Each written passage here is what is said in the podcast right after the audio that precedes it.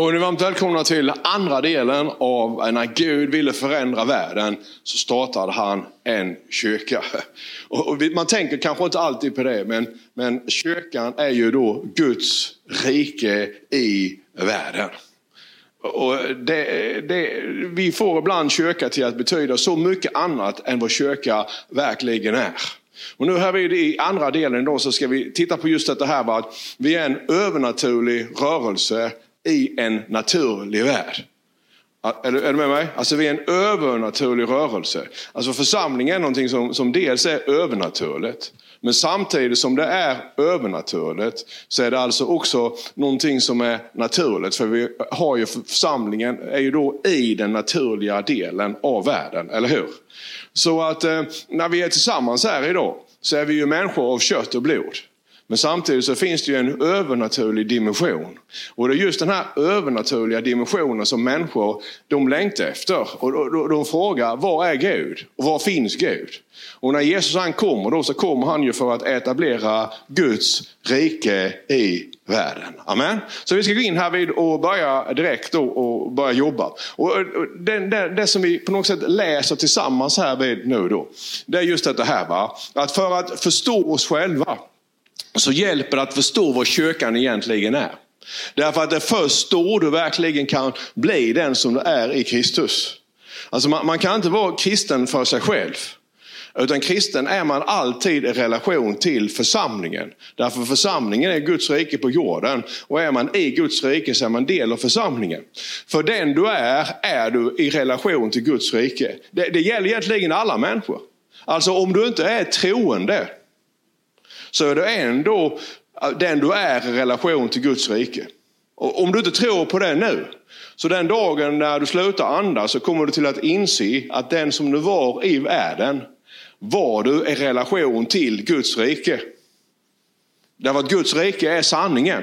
Och alla människor måste förr eller senare förhålla sig till sanningen. Det är därför som det står skrivet att förr eller senare så ska varje knä böja sig. Eller hur? Varje tunga bekänna att Jesus är Herre. Så antingen du tror på Gud eller inte tror på Gud, så är du den du är i relation till Guds rike som är kyrkan. Och det är först när vi hittar oss själva i församlingen som vi finner oss själva. Ibland så kan det vara så att människor inte hittar Jesus, eller att man blir frälst upp i, i åldern då, och det är först då man inser vem man verkligen är. Därför att kyrka är någonting som man är som unik individ men alltid tillsammans med andra. Man kan aldrig vara en kyrka själv. Även om jag är tempel för den helige ande så kan jag aldrig själv vara en kyrka. Utan kyrka är jag alltid i relation till andra människor.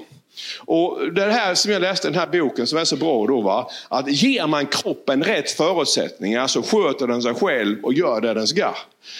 All forskning pekar på att våra kroppar, alltså våra fysiska kroppar är fantastiska. Ger vi dem sömn, ger vi dem mat, ger vi dem den vila, alltså den näring den behöver, så har kroppen en, en enorm förmåga att läka, att utvecklas. Och när vi läser i Bibeln då människor som blev 800-900 år gamla, så det är klart att, att i en perfekt miljö utan miljögifter, e-ämnen och allt annat då, så, så har vår kroppen förmåga att leva oerhört länge. Allt det här bryter ner nu. Och det är ju samma sak med församlingen. Församlingen är, är ju Jesu kropp. Lyssna nu på mig. Om vi ger Jesu kropp det, det som Jesu kropp behöver, Om vi ger Jesu kropp rätt förutsättningar, så sköter den sig själv och gör det den ska. Men problemet är ju bara att vad som har hänt när det gäller församlingen, det är att djävulen har kommit in och sått olika saker i församlingen som gör att, att församlingen blir som, som en kropp idag liksom i, i västvärlden som är fylld med mat som kroppen inte behöver. Som inte får sömn, som är stressad, som inte vilar. Och, och på samma sätt är det med församlingen. Församlingen är en massa andra saker än det församlingen ska vara. Men, eh, och församlingen är ju då, nu du och jag, så när du och jag då vi blir är de som vi ska vara. Och när vi kommer in i församlingen på det sättet, då sköter församlingen sig själv. Amen. Och en del av detta här är ju då att församlingen är övernaturlig. Titta nu här, vi ska se.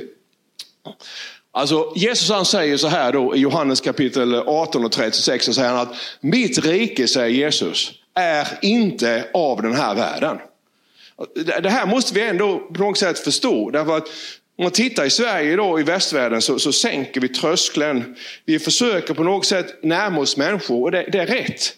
Men vi kan inte närma oss människorna så mycket så att vi förlorar Jesus på vägen.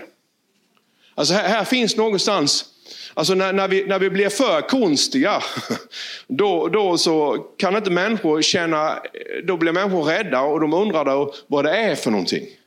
Utan Jesus han var ju på något sätt, alltså, eh, på något sätt perfekt i det här eh, hänseendet. Då han, han var ju Guds rike fullt ut på ett sätt så att människor kunde ta emot Guds rike. Men han var verkligen Guds rike in i världen. Så, så Jesus han säger att mitt rike är inte av denna här världen. Så, så när du och jag då rör oss så, så är vår, vår utmaning då att vi ska berätta, vi ska predika och vi ska leva ut det här riket som inte är av världen. Hmm. Och, så, och det, det, är oerhört viktigt att vi erövrar alltihop det här, för det finns bara en som kan frälsa och det är Jesus.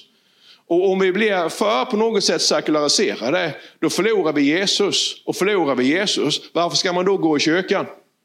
Kom igen nu. Alltså det finns ju ingen anledning till att gå till kyrkan om det inte finns någon Jesus här. Och eh, så, så är det, man kommer till kyrkan för att få möta Jesus. Och titta nu här då. Vad, vad, vad förväntas då av dig och mig? Det är väldigt viktigt att se det här. Va? Jo, vi förväntas att ge svaret på vad alla människor mer eller mindre funderar på. Det finns några saker som människor alltid funderar på. De funderar på mening med livet. Alla människor kommer någon gång under livet. Några funderar jättemycket på det, alla fungerar mindre. Alla kommer till att fundera på var, är, varför lever jag?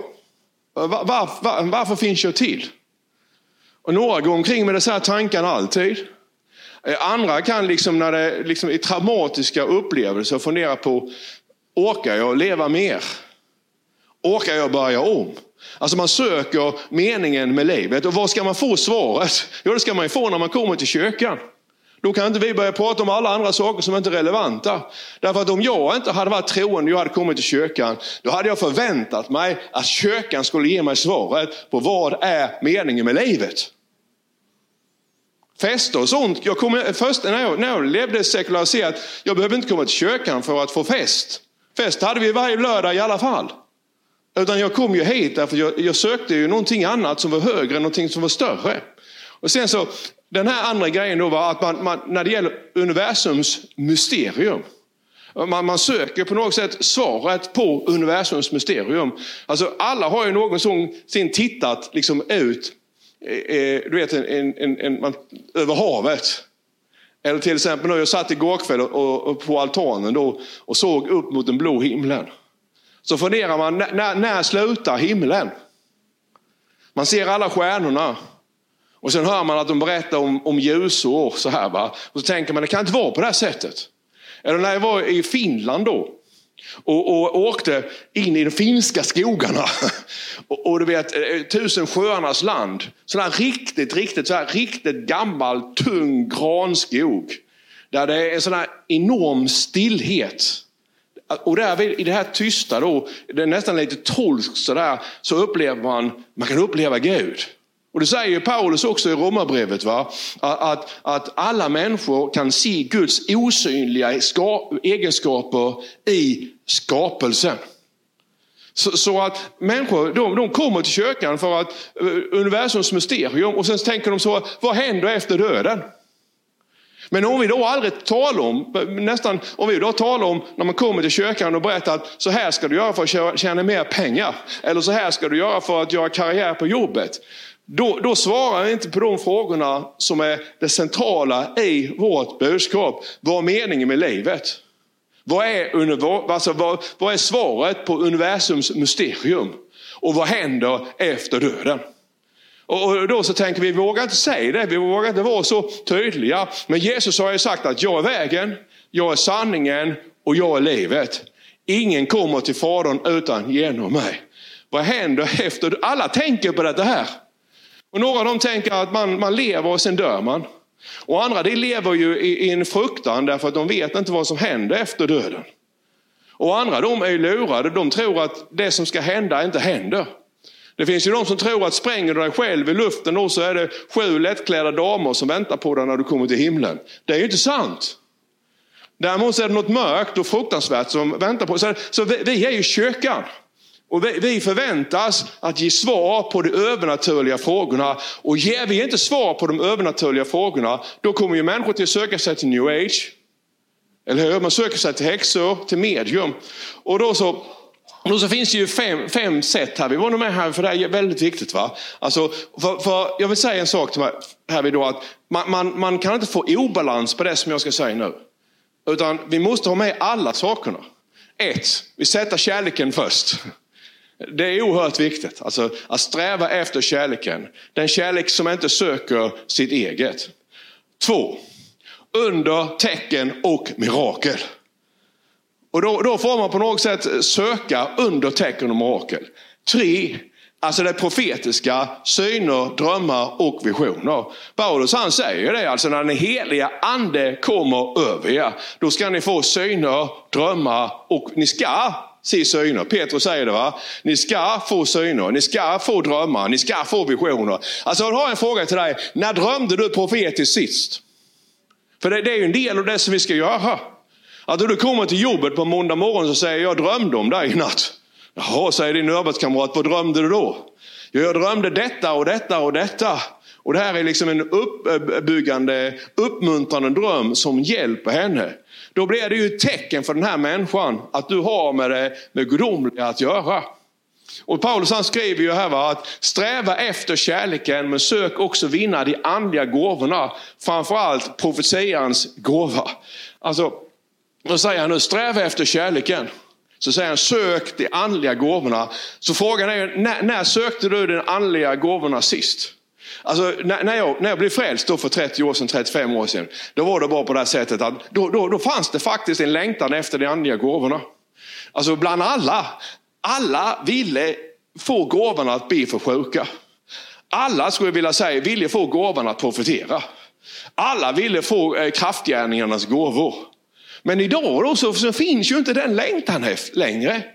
Och då, då, därför när, när människor kommer till kyrkan, då, även om vi ska vara försiktiga, då, så man, man längtar ju efter att få se det som man inte kan förklara. Det är ju därför som man kommer till kyrkan. Alltså att förmedla det svar då som Jesus gav om evigheten. När jag kommer till kyrkan och då förväntar sig att vi ska ge ett svar och då ger vi svaret att du kan komma till Gud idag.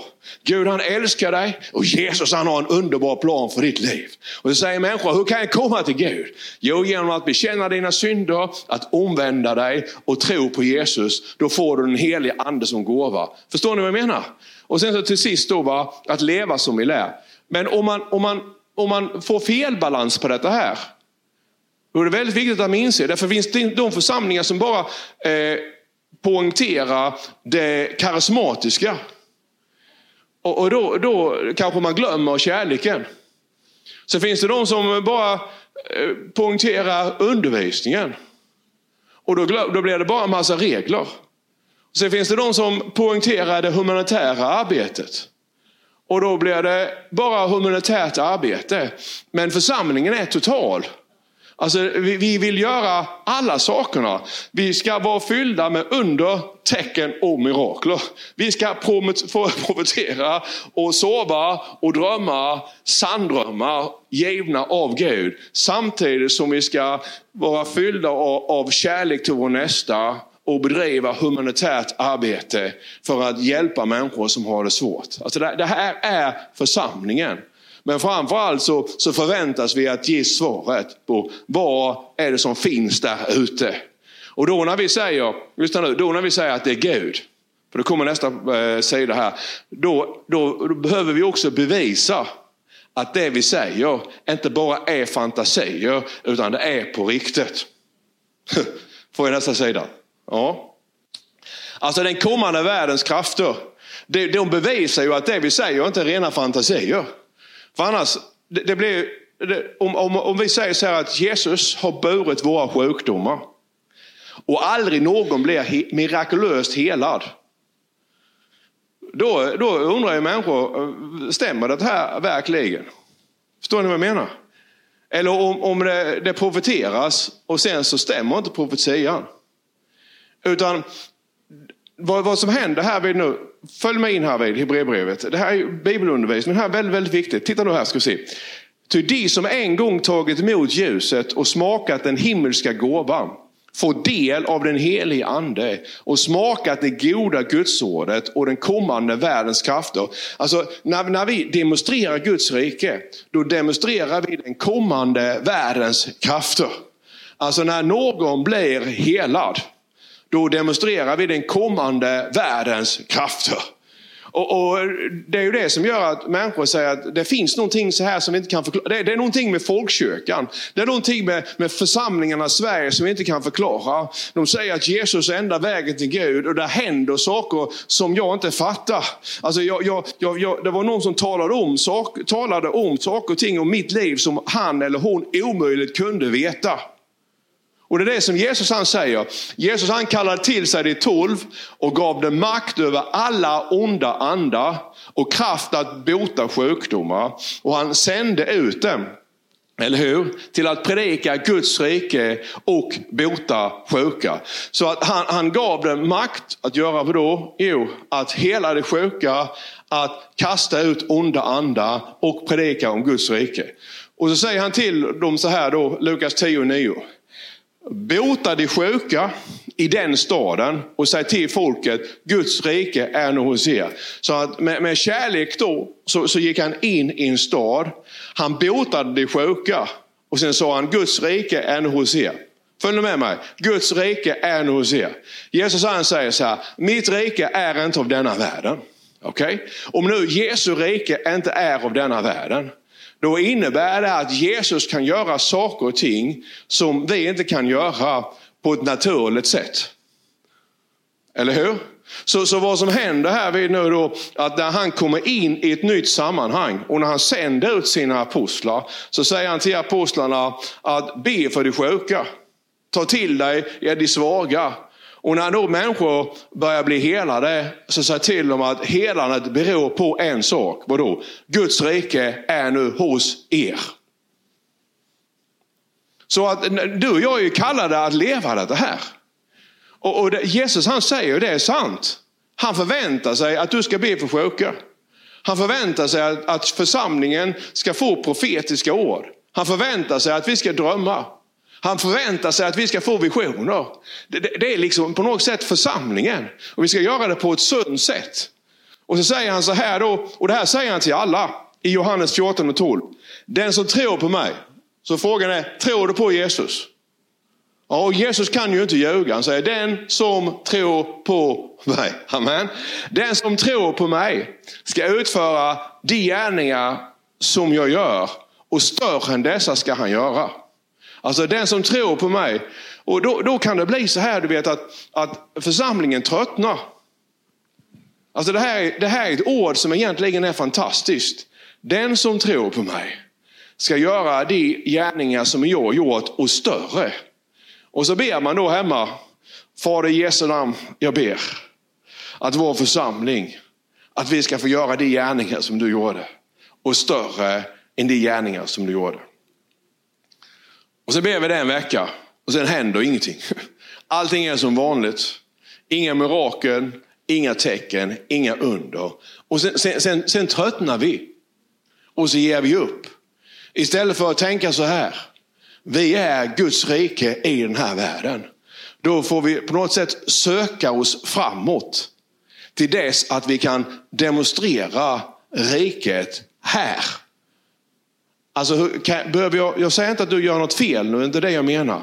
Men alltså om vi söker Jesus, om vi följer Jesus, om vi längtar efter Jesus, så kommer vi till att komma till sammanhang där under och tecken kommer till att ske. Och vi vet ju att det har skett i vår församling. Vi skulle vilja att det skedde så många gånger oftare. Men det är liksom inte bara, jag ska visa det sen, det är inte bara i kyrkan det ska ske. Utan det här sker ju när vi, när vi kommer i rörelse. Alltså under tecken sker när vi rör på oss. När vi är här på söndag förmiddag, det är då vi ska få undervisningen. Det är här på något sätt som kärnreaktorn den ska laddas. Så att vi, vi på något sätt får syner, drömmar, visioner. Så att vi börjar profetera så att det här övernaturliga som vi är, att det börjar levas ut i vardagen. Men inte på ett konstigt sätt nu. För vi måste hela tiden tänka på att människor de värderar oss. Du vet, ett tag då så skulle man stå i tro för att man var frisk. Kommer ni ihåg det? Det var liksom för 20-30 år sedan. Va? Och sen så gick man in till grannen då och så sa man, sa man sa grannen, eh, du är förkyld. Så sa du, nej jag är inte förkyld. Liksom. Ja men du är ju sjuk, det hör jag på dig. Du är alldeles röd i ansiktet. Jag känner ju på din panna, du har feber och du hostar och näsan rinner. Så sa du, nej jag är inte sjuk, jag är frisk. Det, det, är liksom inte väg, det är inte så Jesus menar. Utan Jesus menar ju att vi på ett sunt, på ett smart, på ett vis sätt börjar leva ut den kommande världens krafter i den här världen. Man måste vara väldigt, väldigt balanserad i detta här. Alltså, det finns ju också helande gudstjänster. Jag, varit på, jag kan ta, ta fram eh, eh, någon här, Malin brukar jag ta fram, kom Malin. Jag kan, säg, säg nu att Malin hon hade varit sjuk. Så tar jag, tar jag fram Malin då. Och säger nu i Jesu namn Malin. Säger hon är riktigt sjuk, hon är böjd så och, halt. Så, sådär, säger i Jesu namn bli helad. Och så händer ingenting. Så säger jag, känner du någonting? Säger hon, nej. Då ber jag igen. Har du tro för att bli helad? I Jesu namn bli helad. Känner du någonting? Nej, kanske något lite i vänstra foten. Ja, då ber jag en gång till. I Jesu namn var helad. Du vet att, är det då 300 människor runt omkring här? Till sist är det så att det enda möjligheten att gå ner igen och säga, jag känner nog att jag är helad lite grann. Och kan vi ge Jesus en stor applåd och sen får Malin gå ner och sätta sig. Du vet att, ska du göra en sån sak, lyssna på mig, för det, det, man kanske ska göra det. Men då måste du, det är ditt ansvar, det är inte hennes ansvar. Det är ditt förbaskade ansvar att se till att när du bjuder fram någon, då är Guds kraft över dig och du har hört Guds röst så du vet att hon blir helad. För att kristna ibland så är vi väldigt förlåtande. Och vi säger, han, han försökte i alla fall. De, men, men du vet att de som kommer nya till kyrkan, de är inte förlåtande. För de kommer in, knackar på dörren och så ställer de frågan, finns Guds rike hos er? Och då säger de att det är bara humbug. De bara låtsas ju. Förstår ni vad jag menar? Alltså, det, har den helige ande rör på sig, jag ser det. Men alla är ju fortfarande sjuka när de går härifrån. Alltså då är det någonting som inte stämmer. Så man, man måste vara väldigt, väldigt balanserad i alltihop det här. Jag hade, och det, det händer ofta när man är, jag, var inne i Burmas djungler en gång. Och, och det händer väldigt mycket när man kommer bland människor, alltså bland, bland, när man ska plantera församlingar bland onådda folk. Och det här är ju liksom en, en eh, buddhistisk diktatur. Och, och här kan ju pastorer bli mördade utan att någon blir straffad. Och när jag, när jag står och predikar då, och de, de trodde ju verkligen på detta här också, men det gör ju vi med. De hade ju burit in människor. Det var ju tre, fyra stycken som, som de bar in på britsar så här. Och jag, jag, var tvungen att blunda så, för jag kunde inte se dem, för då tappade jag nästan tron själv. För jag visste ju att de förväntade sig att bli helade. Och jag tänkte, jag kan inte hela någon. Jag är bara Tommy från Valje. Och då så, när jag står och börjar predika så ser jag att hon med kvinnan, det var en kvinna där, hon hade en rätt så rolig röd hatt på sig. Och så ser jag att hon kan bli helad. Och jag hör liksom att den här maningen kommer på insidan. Säg till henne att ställa sig upp för hon kan börja gå nu. Och vi har det här på video och allting så vi kan visa det för alla. Och, och, och, och så här, jag tänker, nej det kan jag inte göra. Och det här kommer tillbaka, för jag visste ju att dessa här människorna som kom nu, för det första, de förväntade sig under tecken och mirakler. Och sen för det andra så, så liksom, den här stackars kvinnan skulle utlämna henne då inför 200 andra människor. Alltså man måste alltid tänka på individen. Men till sist därvid så stannar jag predikan och jag bad nästan om ursäkt och sa förlåt men jag tror faktiskt att du som sitter där. Alltså, och sen kom den här bilden om Petrus när han kommer till den lame mannen vid sköna porten. Att han, han säger till honom, liksom, bryter till lite grann, säger till du kan, du kan ställa dig upp och bli helad. Liksom, kvinna du, jag visste ju inte vad hon hette heller. Så du, kvinna där med den röda hatten, hon hade en rolig röd hatt. Men i alla fall så, hon, hon, hon sakta men säkert så ställer hon ju sig upp. Men samtidigt så, så, måste man, man kan ju aldrig vara helt säker här. Därför att å ena sidan, hade det nu inte hänt, så hade man kunnat göra henne illa. Och framförallt så visste jag att jag tappar ju hela mötet. Därför att nu är det alldeles naket. Sen var det ju en kvinna till här vid då. Och, och hon, hon, hade ju brutit, hon hade brutit ryggen i en motorcykelolycka. Så i eftermötet då, För henne, och hon, och det var bara Guds kraft, henne bad jag inte ens för på det sättet. I eftermötet då, så när vi ber för en helt annan, så är det en kamera som är på henne. Så då, och hon, hon, hon, hon har inte gått på ett helt år, hon har varit sängliggande ett helt år. Då sakta så sätter hon sig upp. Helt yr i huvudet. Och hon hade ingen röd hatt, utan hon såg normal ut så annars, utan hatt. va? Hon reser sig upp den här tanten, sitter liksom flera minuter så här. Och sen så liksom sätter hon sig upp ytterligare lite till. Och till sist då så ställer hon sig upp och sakta men säkert börjar hon att gå. Så att, jag menar, det, det, här, det här det är alltså under tecken och mirakel sker. Men säger du, hur vet att det var på riktigt nu Tommy? Jag var på samma ställe sen ett år efter och då helt plötsligt eh, så står den här kvinnan framför mig. Så då kunde vi intervjua henne, verkligen fråga och då berättade hon och bekräftade att allt, hon hade brutit ryggen i en motorcykelolycka, kunde inte gå alls. Och nu kom Guds kraft över henne. Och jag menar så här, va? om vi med, med, med kärlek söker, det säger han, sträva, sök de andliga gåvorna, men, men på ett sunt sätt. Så att människor ska få uppleva Guds kraft till helande.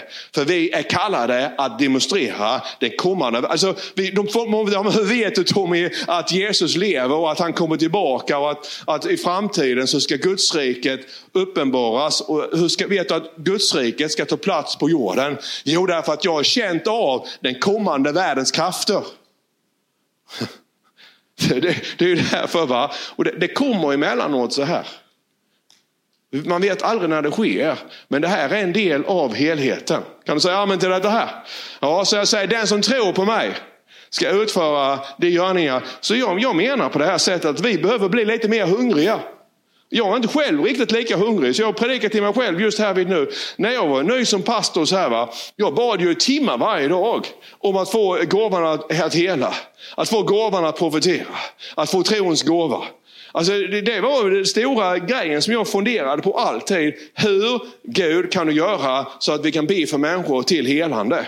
Hur kan vi få liksom makt med demonerna så att vi kan driva ut de onda andarna för vi vet att de finns? Och då, då, det var innan jag blivit pastor också. Och det gäller hela församlingen här. va. Vi är kallade att på något sätt, tänk liksom på din arbetsplats och du behöver inte göra det så konstigt. Man kan fråga liksom så här och du känner liksom att du tror i ditt hjärta. Man ska inte göra det i tid och i otid för det blir bara konstigt. Alltså att man, man bara man ber. Och ibland så kommer kanske frågor. Och ni själva har varit med om det här. Du vet att det som rör sig i människors hjärta emellanåt när, när de får nöd.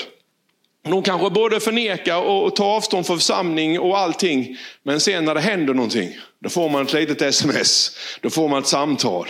Då får man ett meddelande på Messenger och frågar, kan du be för oss? Eller hur?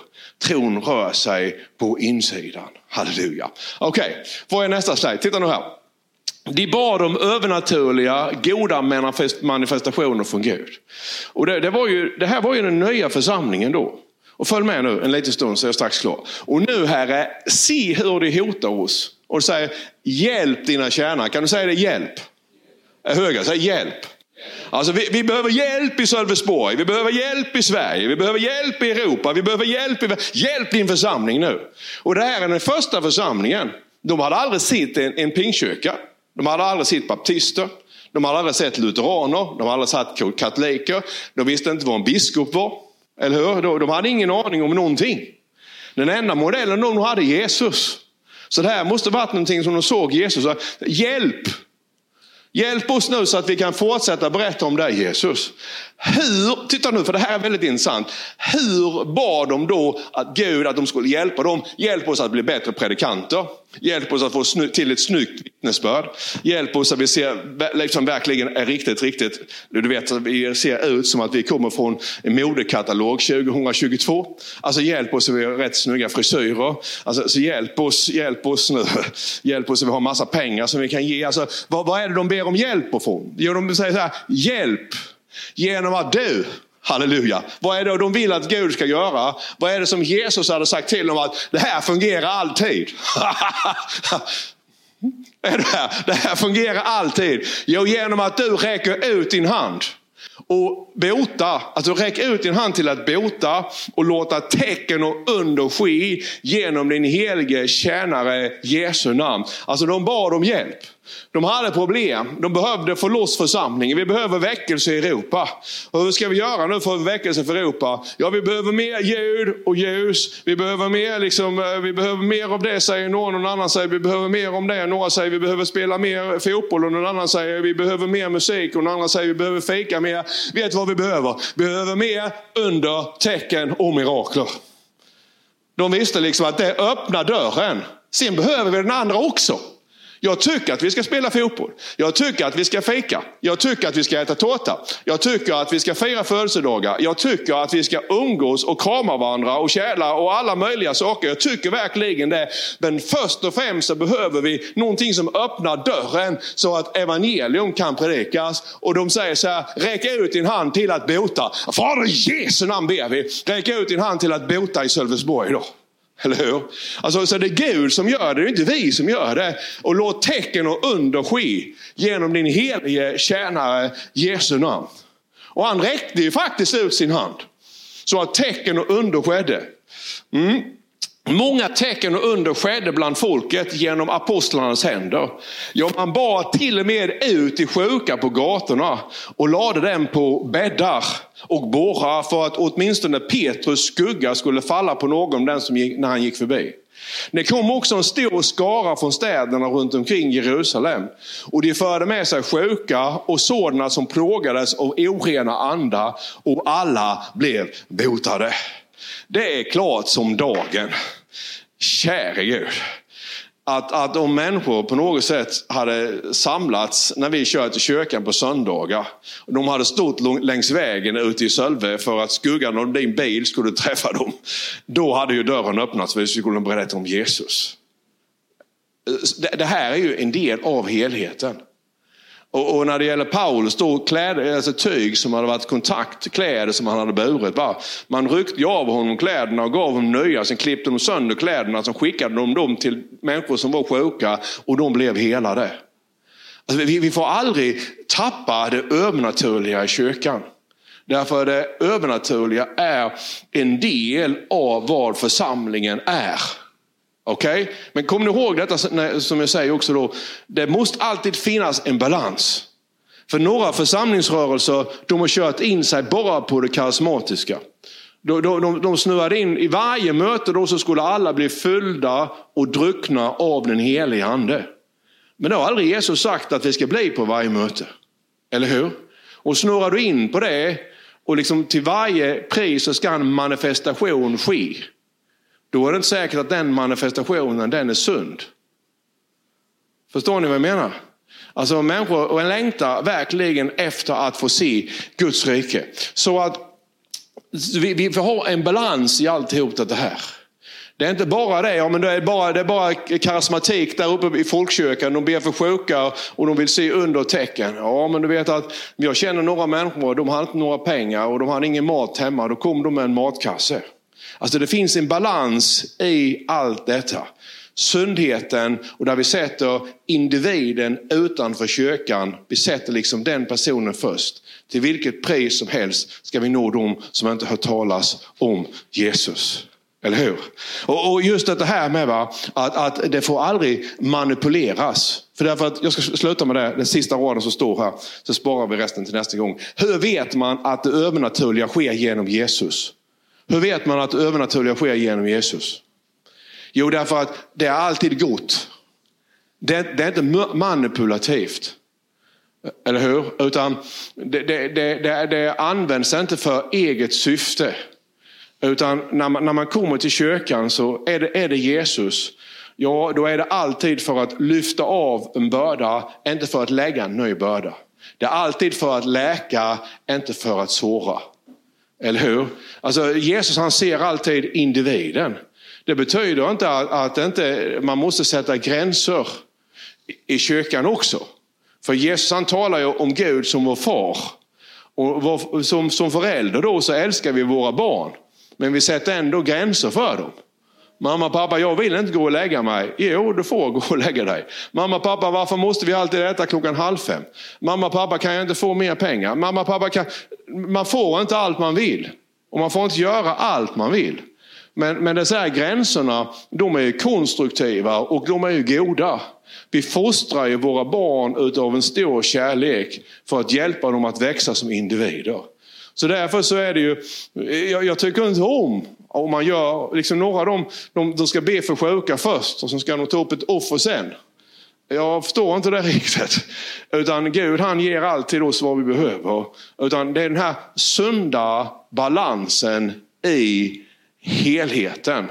Och där, där vi då ser den enskilda individen med kärlek. Och där vi bejakar och söker Gud. Kom nu med under och tecken. Inte i kyrkan. Det, det sista avslutningen nu på den här lektionen. Därför att under en tid då på 90-talet, då skulle allt ske liksom i församlingen. Här skulle de andliga gåvorna utvecklas. Men du vet att här är ju alla troende nästan.